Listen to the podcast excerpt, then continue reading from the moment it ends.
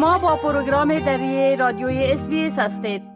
حال با جاوید روستاپور خبرنگار برنامه دری رادیوی SBS برای جنوب آسیا و تماس هستیم که اونا درباره تازه ترین تحولات در ارتباط به افغانستان گزارش میتن آقای روستاپور سلام عرض می‌کنم.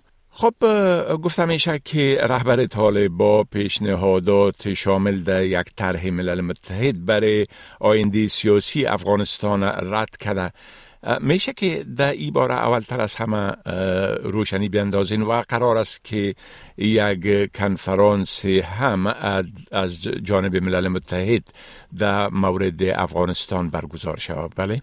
با سلام وقت شما بخیر آقای شکر. بله همون گونه که شما اشاره کردیم برخی از رسانه ها به نقل از منابع آگاه گزارش کردند که نامه ای از طرف رهبر طالبان در پاسخ به طرح دبیر کل سازمان ملل متحد برای آینده افغانستان که ادغام مجدد در جامعه جهانی شده است که طالبان در پاسخ به ارزیابی و نقشه جایی که دبیر کل سازمان ملل متحد ارائه کرده گفتند که رهبر طالبان مکلف به رعایت ارزش های دینی است. هیچ کس حق دخالت در امور داخلی افغانستان را ندارد. طالبان همچنان در این نامه گفتند که مداخله ملل متحد در امور افغانستان را اینا رد می‌کنند و این طرح ارائه کردن یک نوع اخلالگری در امور داخلی افغانستان است. در نامه طالبان تاکید شده که ما به اساس شریعت حکومت خود را ایجاد کردیم.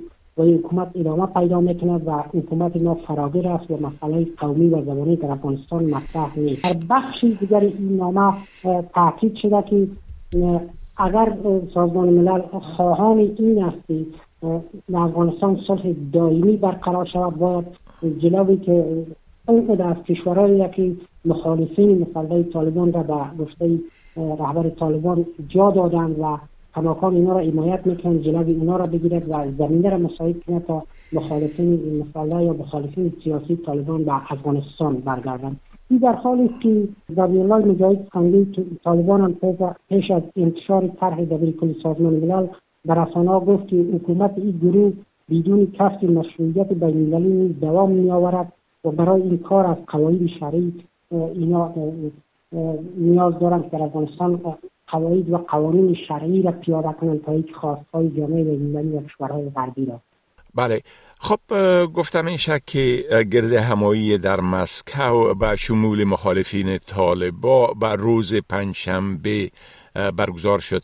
می‌تونین بگوین که در ای گرد همایی چی کسای دیگه یا چی جوانب و نماینده های کشورهای دیگه شرکت داشتن و در ای گرد همایی بر چی موضوعات صحبت شده و نتیجه گیری ها چی بوده؟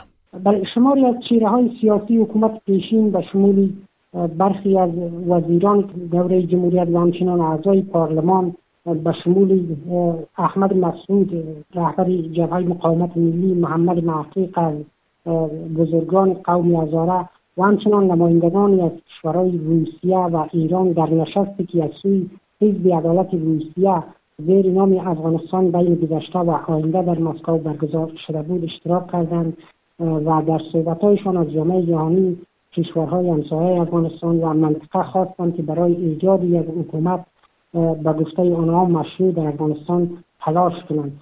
سخنرانان این نشست طالبان را متهم بر انحصار قدرت کردند و تاکید کردند که گروه مردمی افغانستان را از حقوق اساسیشان محروم کردند. همچنان در این نشست ضمن انتقال از جامعه جهانی مبنی بر اینکه به جای سیاست متناقض در قبال افغانستان تاکنون سیاست های متناقض را پیش گرفته تاکید کردند که مسئولیت خود را در برابر افغانستان به صورت واقع بینانه ادا کند. برخی دیگری از شرکت کنندگان این نشست در ایجاد یک حکومت مشروع و آغاز گفتگوهای بین الافغانی تاکید کرده و همچنین گفتند که اگر طالبان حاضر به گفتگو نشوند آنها به مقاومت مسلحانهشان ادامه خواهند داد و این مقاومت را گسترش خواهند داد. از سوی هم زبی الله مجاهد سخنگوی گروه طالبان با بیان اینکه از طالبان در این نشست دعوت نشده از با انتقاد از برگزار کنندگان این نشست گفت که برگزاری چنین نشست های هیچ سودی برای افغانستان ندارد و کشورهای همسایه نباید میان افغانها فتنه ایجاد کنند. بله. خب همچنان گزارش شده که وزارت تحصیلات عالی طالبا با پوهنتون های دولتی گفتند که باید کتاب های دوران جمهوری را از کتاب خانه های خود جمع کنند و به جای اونا کتاب های دینی را بگذارند بله؟ در مکتوبی که را محمد ندیم سرپرست وزارت تحصیلات عالی طالبان در پوهنتون های دولتی فرستاده تاکید کرده که باید از کتاب های مربوط به جریان های سلفی تحریری ها شیعه شیعیان حزبی ها و دوره جمهوریت خودداری کنند و کتاب را از کتابخانه ها بیرون کنند و به جای آن کتاب های سیرت نبی تفسیر و کتاب های دینی باید جابجا شود سرپرست وزارت تحصیلات عالی طالبان و پوانتونا همچنان دستور دارد که پیش از جابجا کردن کتاب های جدید فهرست آن را با او شریک بسازند. این مکتوب در شبکه اجتماعی دست به می‌شد و شماری از استادان پیشین پوانتون ها در واکنش به دستور تازه سرپرست وزارت تحصیلات عالی طالبان گفتند که این تصمیم سبب خواهد شد که نسل امروزی افغانستان از کاروان علوم پیشرفته امروزی عقب خواهند ماند. این در حالی که در بخش دیگری مکتوب وزارت تحصیلات عالی طالبان آمده که ثقافت در تمام رشته های تحصیلی سه ساعت در هفته به مضامین چون تجوید سیرت النبی نظام سیاسی اسلام و نظام سیاسی اسلام تدریس شد این در حالی است که با حاکمیت طالبان شمار زیادی از استادان متخصصین و کادرهای تحصیلات عالی افغانستان را ترک کردند و همکنون در بنیاد گزارشها در بیشتر پانتونهای افغانستان به در ولایات استاد و قدر مسلکی بسیار کم است و پانتونها به گونه فلج هستند. بله. خب گزارش شده که دو عضو شورای علمای شیعه در هیرات کشته شدن در مورد انگیزه ای دو قتل ای دو نفر چی گفته میشه و طالبا در این مورد چی میگن؟ منابع معلی در شهر هیرات گفتن که دو عالم دین علی تشیع به نام های رجب علی اخلاقی و خادم حسین هدایتی در منطقه جبرائیل در منطقه شهرک جبرائیل در یک حمله مسلحانه کشته شدند. بر بنیاد گزارش ها این دو عالم دین چهارشنبه روز پنجشنبه توسط دو فرد موتورسایکل سوار تروب شدن و پس از اینکه با افراد تیراندازی کردن اینا از صحب فرار کردن. ولی تاکنون انگیزه و عامل قتل این دو عالم دین اهل تشیع مشخص نشده و مسئولان محلی طالبان هم در حیرات بر ها در خصوص این مسئله ابراز نظر نکردند. اما در شبکه های اجتماعی شمار ادعا کردند که افراد محلی طالبان کشتی چنین قتلهای دست دارند.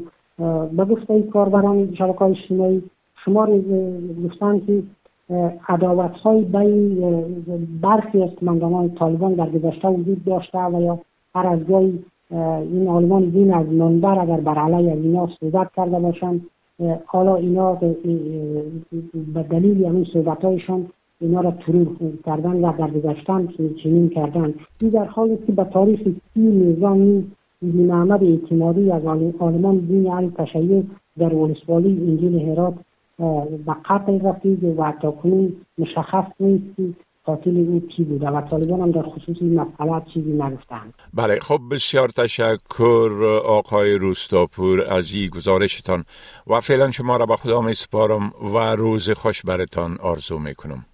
وقت شما هم خوش خدا حافظ ناصرتان می خواهید این گونه گزارش ها را بیشتر بشنوید؟ با این گزارشات از طریق Apple Podcast، Google Podcast، Spotify و یا هر جایی که پادکاستتان را می گیرید گوش دهید.